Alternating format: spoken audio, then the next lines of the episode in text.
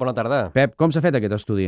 De manera molt pràctica, en col·laboració amb la Seguretat Social, han agafat eh, els que van acabar la carrera la promoció el 2009-2010 i han comprovat com els va la vida 4 anys més tard, la vida laboral sobretot. Xifres en general, hi ha prop de 6.000 títols universitaris, el 64% no té feina actualment i hi ha carreres on 9 de cada 10 no han trobat feina encara. Aquestes són algunes dades, les dades en majúscula, eh? Ara filem prim, si et sembla. Busquem la lletra petita. Pep, Pep Ruiz, em penso, em penso que has llegit tot l'estudi, no? Efectivament. Home, si l'ha llegit ho hem d'aprofitar. Rànquing de les titulacions més ben posicionades. Són llicenciats en Ciències Financeres, diplomats en Òptica i Optometria i en la primera posició llicenciats en Medicina. En aquest sector treballa pràcticament el 93%. Ara, al contrari, rànquing de titulacions amb més mala posició.